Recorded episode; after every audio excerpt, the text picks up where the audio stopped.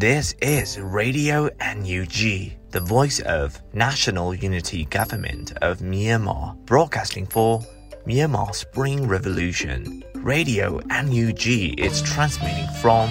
shortwave 16 meter 17.79 megahertz at 8:30 a.m. and 25 meter 11.94 megahertz at 8:30 p.m. Myanmar Standard Time. မင်္ဂလာပါခင်ဗျာ အမျိုးသားညီညွတ်ရေးအစိုးရရဲ့အတန်လွင့်ဌာန Radio NUG ကိုမနက်ပိုင်း၈နာရီခွဲမှာလိုင်းတို16မီတာစက္ကန့်တက်သမ9 MHz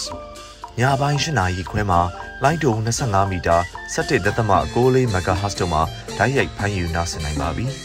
မင်္ဂလာအပေါင်းနဲ့ပြည့်စုံကြပါစေအခုချိန်ကစပြီး Radio NUG အစီအစဉ်တွေကိုဓာတ်ရိုက်အတန်လွှင့်ပေးနေပါပြီ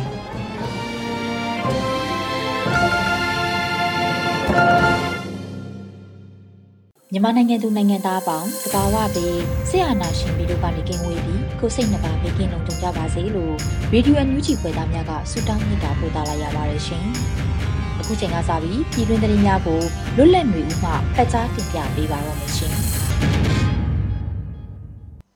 ဒီဇင်ဘာလ16ရက်နေ့ရေဒီယိုအန်ယူဂျီရဲ့ညပိုင်းပြည်တွင်းသတင်းများကိုတင်ပြပေးပါတော့မယ်။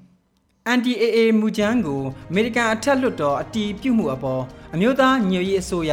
ယာယီသမရဒူဝါလရှိလာကကျေးဇူးတင်ကြောင်းထုတ်ပြန်ပြောကြားလိုက်ပါတယ်။ဘာမာ Act ပါဝင်တဲ့အမေရိကန်အမျိုးသားကာကွယ်ရေးလုပ်ပိုင်ခွင့်အဥပဒေ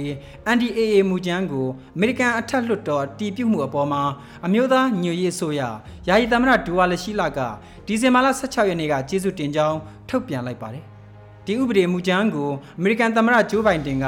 မကြခင်လက်မှတ်ရေးထိုးတော့မှာဖြစ်လို့ဒီအရေးဟာအကြမ်းဖက်စစ်ကောင်စီကိုဆန့်ကျင်နေတဲ့အမျိုးသားညီညွတ်ရေးအတိုင်းအမြံကောင်စီပြည်ထောင်စုလွှတ်တော်ကိုစားပြုကော်မတီအမျိုးသားညီညွတ်ရေးအစိုးရ CTM တွေအပါအဝင်ဒီမိုကရေစီအရေးလူအခွင့်အရေးနဲ့တရားမျှတမှုကိုကာကွယ်နေကြတဲ့သူတွေအားလုံးအတွက်အားတက်စရာဖြစ်တယ်လို့ယာယီသမရကကြီးညာချက်မှာဖော်ပြရေးသားထားပါတယ်။ ဒါ့အပြင်ဒီဥပဒေဟာအကြမ်းဖက်စစ်ကောင်စီကိုထောက်ပံ့နေတဲ့စီးပွားရေးသမားတွေနဲ့အကြမ်းဖက်စစ်ကောင်စီရဲ့လုပ်ငန်းတွေကိုပြစ်မှတ်ထားတန်ခတ်ပိတ်ဆို့မှုတွေပိုပြီးပြုလုပ်နိုင်မယ်လို့လည်းယာယီသမရရဲ့ထုတ်ပြန်ချက်မှာဖော်ပြပါတယ်။ဒါကြောင့်အခုလိုဒီဥပဒေအတီးပြုမှုဖြစ်လာနိုင်ရေးကုညီဆောင်ရွက်ပေးခဲ့ကြသူတွေအားလုံးနဲ့အမေရိကန်လွှတ်တော်တွေကိုကျေးဇူးအထူးတင်ရှိတယ်လို့လည်းပြောဆိုထားပါတယ်။အမေရိကန်နိုင်ငံရဲ့2023ခုနှစ်အတွက် အမျိုးသားကာကွယ်ရေးလုပ်ပိုင်ခွင့်အက်ဥပဒေ NDAA မူကြမ်းကို Burma Act အနေနဲ့မြန်မာနိုင်ငံမှာရှိတဲ့လူမျိုးစုလက်နက်ကိုင်အဖွဲ့အစည်းတွေပြည်သူ့ကာကွယ်ရေးတပ်ဖွဲ့ PDF တွေနဲ့ဒီမိုကရေစီရေးလှုပ်ရှားတဲ့အဖွဲ့အစည်းတွေအကြားဆက်သွယ်ရေးနဲ့ထိန်းချုပ်ကုတ်ကဲရေးဆိုင်ရာကိစ္စတွေမှာပုံမအားကောင်းလာဖို့အတွက်ဤပညာဆိုင်ရာအကူအညီတွေနဲ့လက်နက်မဟုတ်တဲ့အကူအညီတွေပေးအပ်ဖို့ထည့်သွင်းရေးဆွဲထားတာဖြစ်ပါတယ်ခင်ဗျာ လိုအပ်ချက်တွေရှိလာပါကဤဥပဒေများအမိန့်နဲ့ညွှန်ကြားချက်များကိုဆက်လက်ထုတ်ပြန်ပြီးပြည်သူ့အတွက်အကျိုးရှိအောင်လှုပ်ဆောင်ဖို့ပြည်ထောင်စုဝန်ကြီးချုပ်မန်းဝင်းခိုင်တန်းကပြောကြားလိုက်ပါတယ်။ရေးဆွဲချမှတ်ထားသောဥပဒေများမှာလိုအပ်ချက်များရှိလာပါက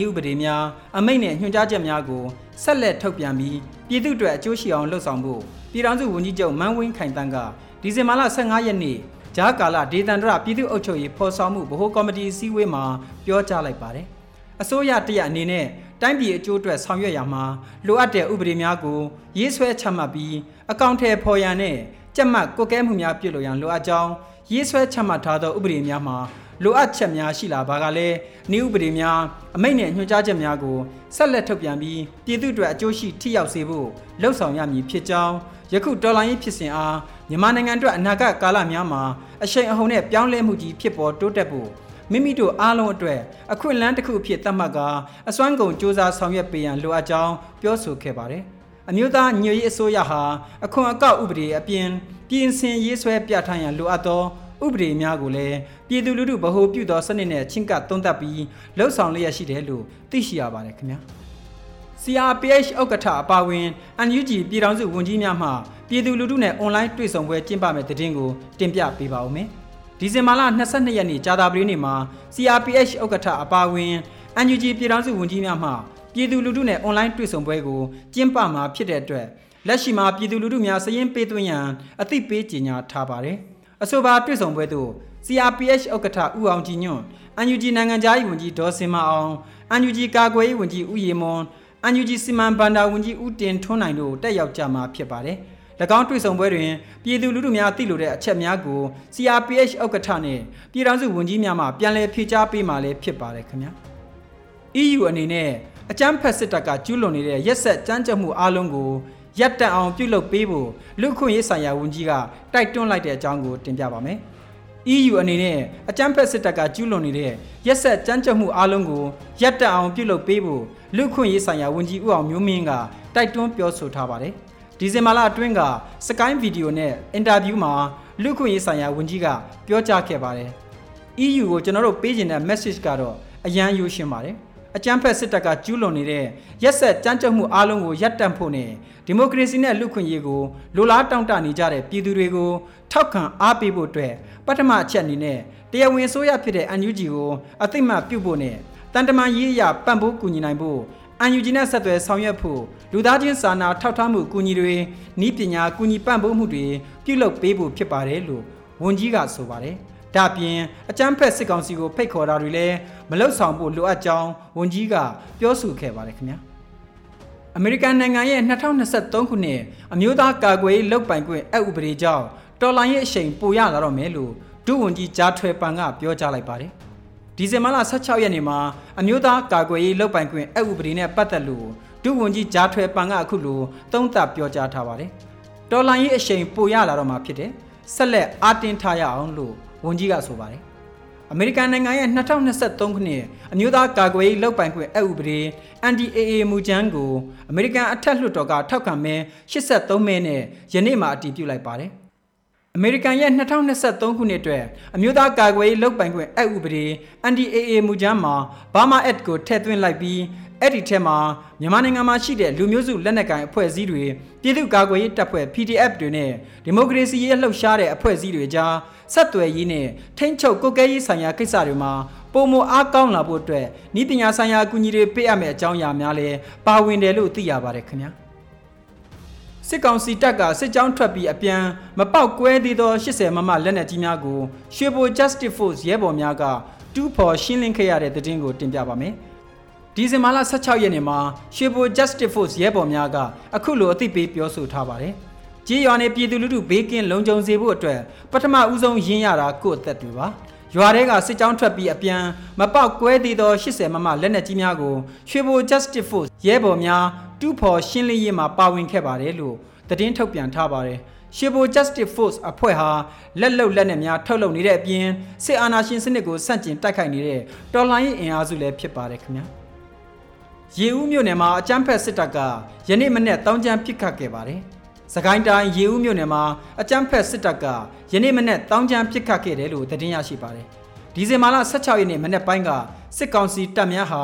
တန်တယ်ရွာအထွက်ရွှေကြီးမင်းစီဆိုင်နာကနေလက်နက်ကြီးများနဲ့ရေဦးအနောက်ချမ်းရွာတွေဘက်ကိုဇက်တိုက်ရန်တမ်းပစ်ခတ်နေတာလို့ဒေသခံသတင်းအရင်းမြစ်များကအတည်ပြုဆိုပါတယ်။ယနေ့မနေ့အစောပိုင်းက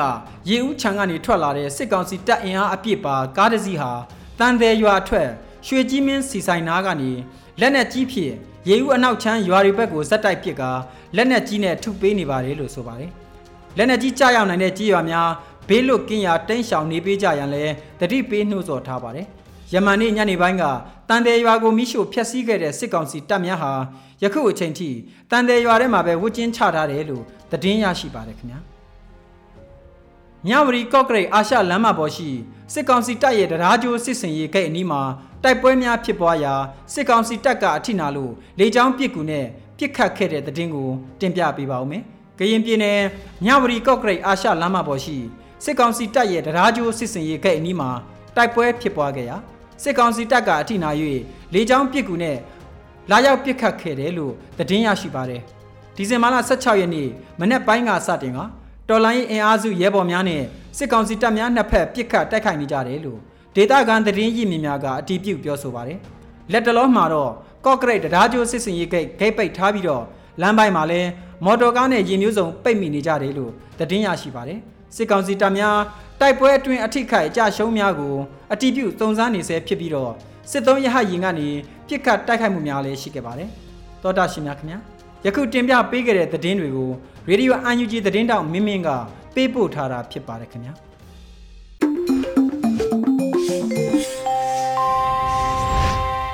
ရေဒီယိုအန်ယူဂျီရဲ့ညပိုင်းစီစဉ်တွေကိုဆက်လက်တင်ပြနေပါတယ်။အခုဆက်လက်ပြီး အရက်သားပြည်သူများနဲ့ဆက်ဆံတဲ့အခါမှာလိုက်နာရန်ကျင့်ဝတ်တွေနဲ့ပတ်သက်ပြီးတော့လူခွင့်ရေးစကားတန်ကိုပြည်အောင်စုဝင်ကြီးဦးအောင်မျိုးကတင်ဆက်ထားတာကိုနားဆင်ကြရတော့မှာဖြစ်ပါတယ်ရှင်။ပြည်သူလူထုရဲ့ဆန္ဒတွေကိုဖော်ဆောင်မှုအတွက်ပြည်သူတော်လှန်ရေးဆင်နွှဲတဲ့အခါမှာပြည်သူလူထုရဲ့အားပေးထောက်ခံမှုကအရန်အရေးကြီးပါတယ်။လက်ရှိမြန်မာနိုင်ငံရဲ့ຫນွေဦးတော်လှန်ရေးတမိုင်းကိုပြန်ကြည့်မယ်ဆိုရင်တိုက်ပွဲတွေရှေ့ကြာခဲ့ပေမဲ့ ပြည်သူလူထုရဲ့အားပေးထောက်ခံမှုနဲ့ပါဝင်မှုကတကယ်အမခန်းအကြောင်းအရာတစ်ခုဖြစ်ပါတယ်။ပြည်သူကာကွယ်ရေး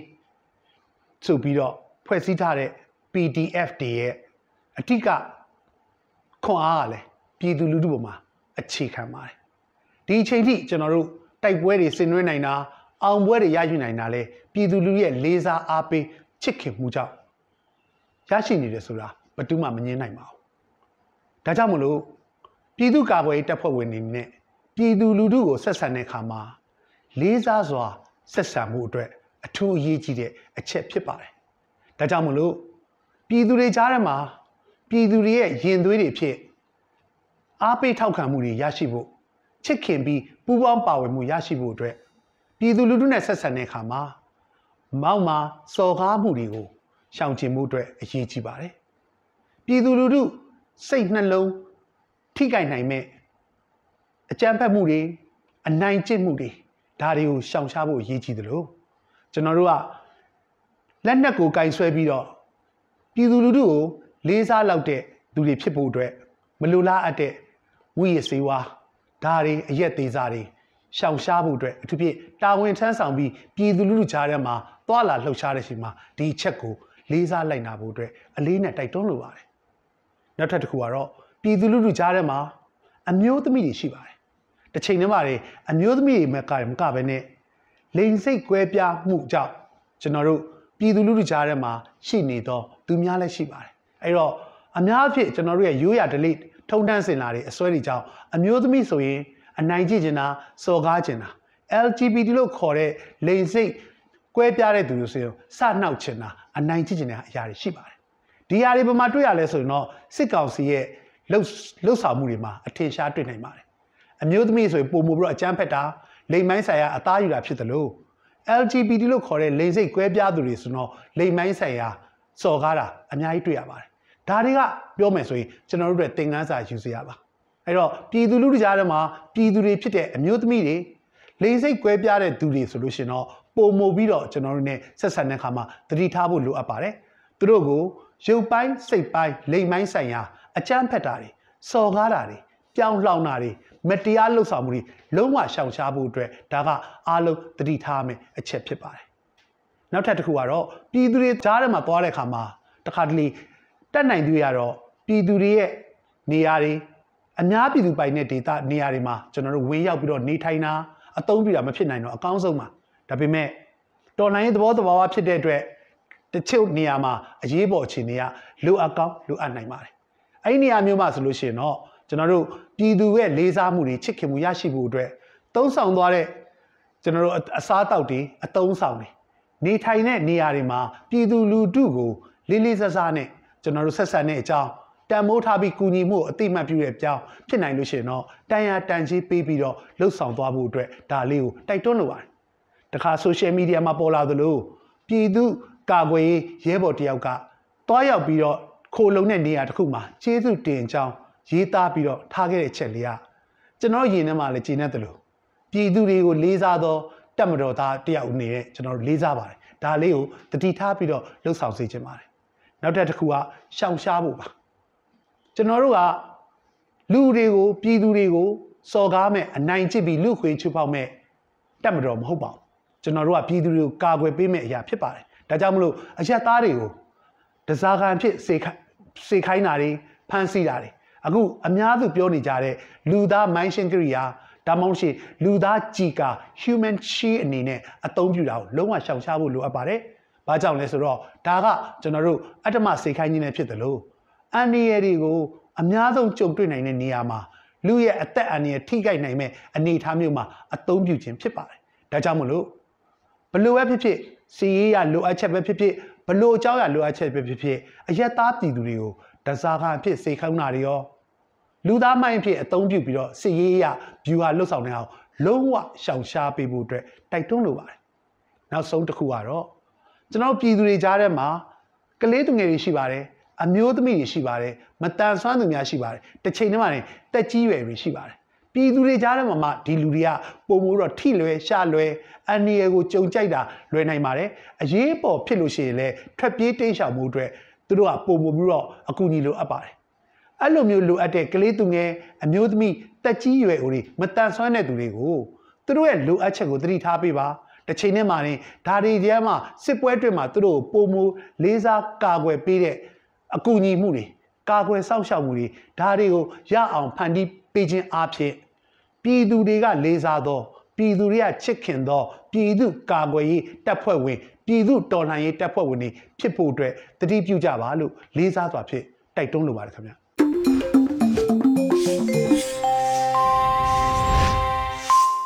ရေဒီယိုညူးချီမှာဆက်လက်တင်ပြနေပါတယ်။ အခုဆက်လက်ပြီးတော်လန်ရေးဆောင်မအနေနဲ့စီရီယန်တို့ရဲ့တန်တဲ့အားမယ်အပိုင်း29ကိုမိုးခရဲ့တင်ဆက်မှုနဲ့နားဆင်ကြရမှာဖြစ်ပါတယ်ရှင်။အားလုံးပဲမင်္ဂလာပါကျွန်တော်တို့ဒီဒေါ်လာရင်းမိတ်ဆွေတွေအနေနဲ့ဒီရက်ပိုင်းထဲမှာအဲဒေါ်လာရင်းနဲ့ပတ်သက်တဲ့သတင်းကောင်းတွေကိုလည်းအဲတော်တော်များများကြားပြီးကြပြီဖြစ်ပါပါဒီပြီးခဲ့တဲ့ရက်ကပဲအဲ ဗိုလ်ချုပ်ကံမော်နဲ့ RFA သတင်းတော့ဥက္ကမောင်စိုးနဲ့အဲအင်တာဗျူးကိုလည်းရှိုးတွေကြည့်ပြီးကြပြီလို့ထင်ပါတယ်အဲကျွန်တော်လည်းမနေ့ကညနေမှာကျွန်တော်အင်တာဗျူးကိုကြည့်လိုက်တယ်ပေါ့နော်အင်တာဗျူးကြည့်လိုက်တဲ့အချိန်မှာဒီမှာသူတို့ပြောသွားတဲ့ဥက္ကမောင်ဆိုဒီ RFA သတင်းတော့ဥက္ကမောင်ဆိုမေးသွားတဲ့မေးခွန်းလေးလည်းတော်တော်လေးကိုအဲကြည်ကြည်လေးလေးရှိပြီးတော့ကောင်းတယ်ပေါ့အကောင်းတယ်နောက်ဗိုလ်ချုပ်ကံမောဖြေဖြေသွားတဲ့အဖြေတွေကလည်းတော်တော်လေးကို ကောင်းမွန်တာကိုတွေ့ရပဲပေါ့နော်ကြည်ကြည်လေးလေးနဲ့အကောင်းမွန်တာတွေ့ရတယ်เนาะအဓိကအားတက်စရာပေါ့ကျွန်တော်တို့အဲပြည်သူတွေဒေါ်လန်ပြည်သူတွေမျှော်လင့်နေတဲ့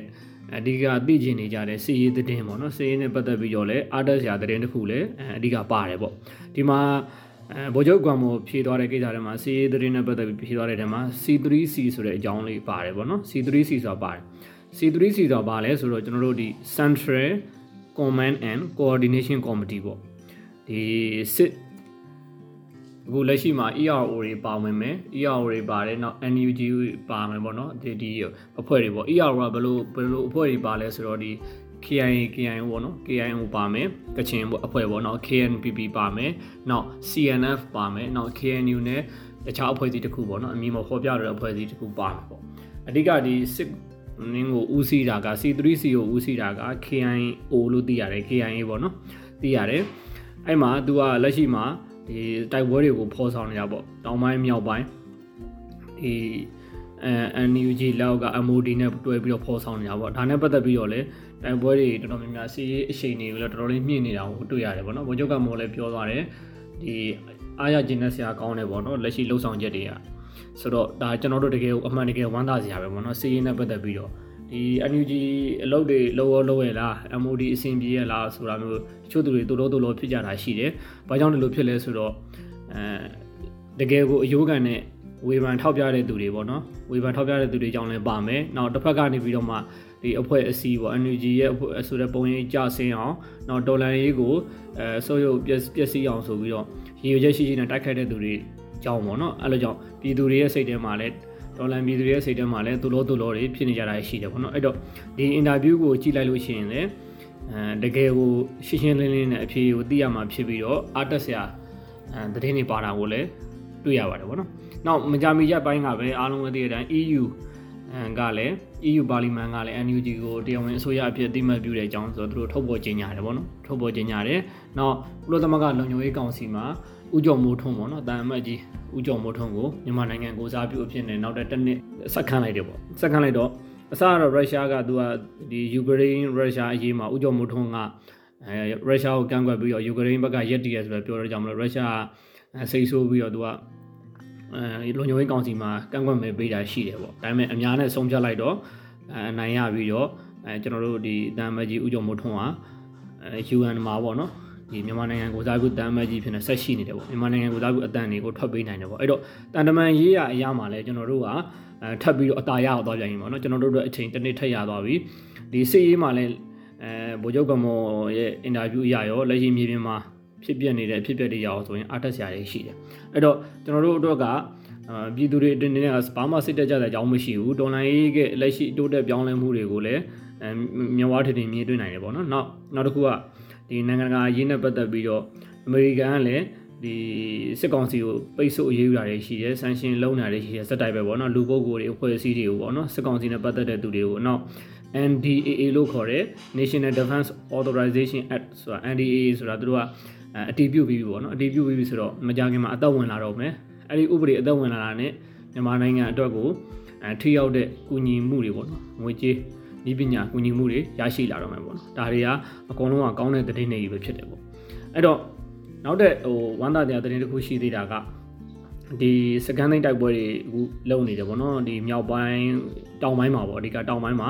အဲ KNU နဲ့ကျွန်တော်ရဲဘော် PDF တွေပေါင်းပြီးတော့စကန်သိန်းတိုက်ပွဲတွေလုပ်တယ်အဲ့မှာစကန်သိန်းတိုက်ပွဲလုပ်တဲ့ခါမှာစကန်တွေကိုအောင်မြင်မြင်သိမ့်နိုင်တယ်ဆိုတာအဓိကအချက်က first ကဘာကြောင့်လဲဆိုတော့ဒီ CDM လောက်လာတဲ့စစ်ဗိုလ်တွေကြောင့်ပေါ့နော်။နောက် ကျွန်တော်တို့ရဲ့မိတ်ဆွေတွေတရားနေတစ်ဆင့်သိရတာကအခုအချိန်ထိကိုဒီ CDM ဝင်လာတဲ့ရာရှိတွေအဲစစ်တီရှိနေသေးတယ်ပေါ့နော်။ဒီဘိုးကြီးအဆင့်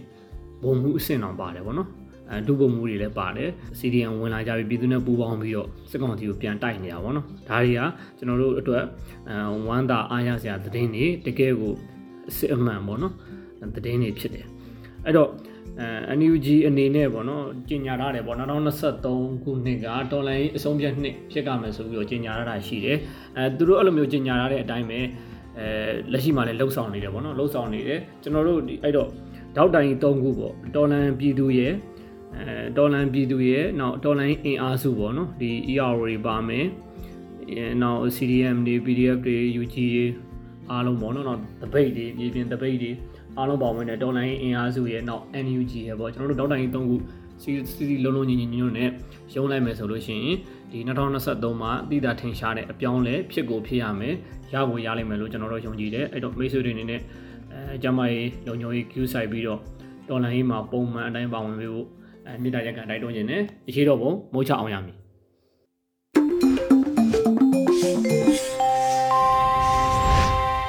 ရေဒီယိုညူဂျီပရိသတ်တွေကိုကူးဆက်လက်ပြီးထုတ်လွှင့်ပေးမှာကတော့တော်လှန်ရေးအမှုပညာကဏ္ဍဖြစ်ပါတယ်။ဖြစ်ကြောင်းကုန်စင်အညာတစ်ခွင်အပိုင်း30ကိုတော့တန့်ဝေကျော်ရဲ့တင်ဆက်မှုနဲ့နားဆင်ကြရတော့မှာဖြစ်ပါတယ်ရှင်။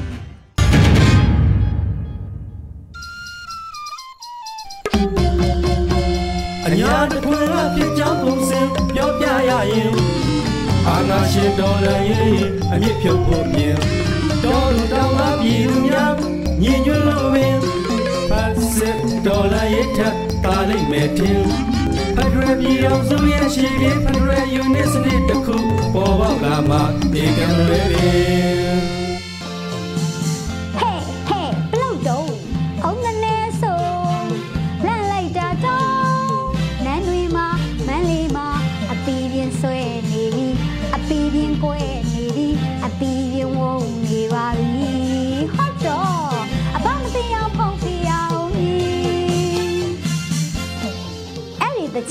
အလင်းပြလိုက်တဲ့ဖြစ်စဉ်ကတော့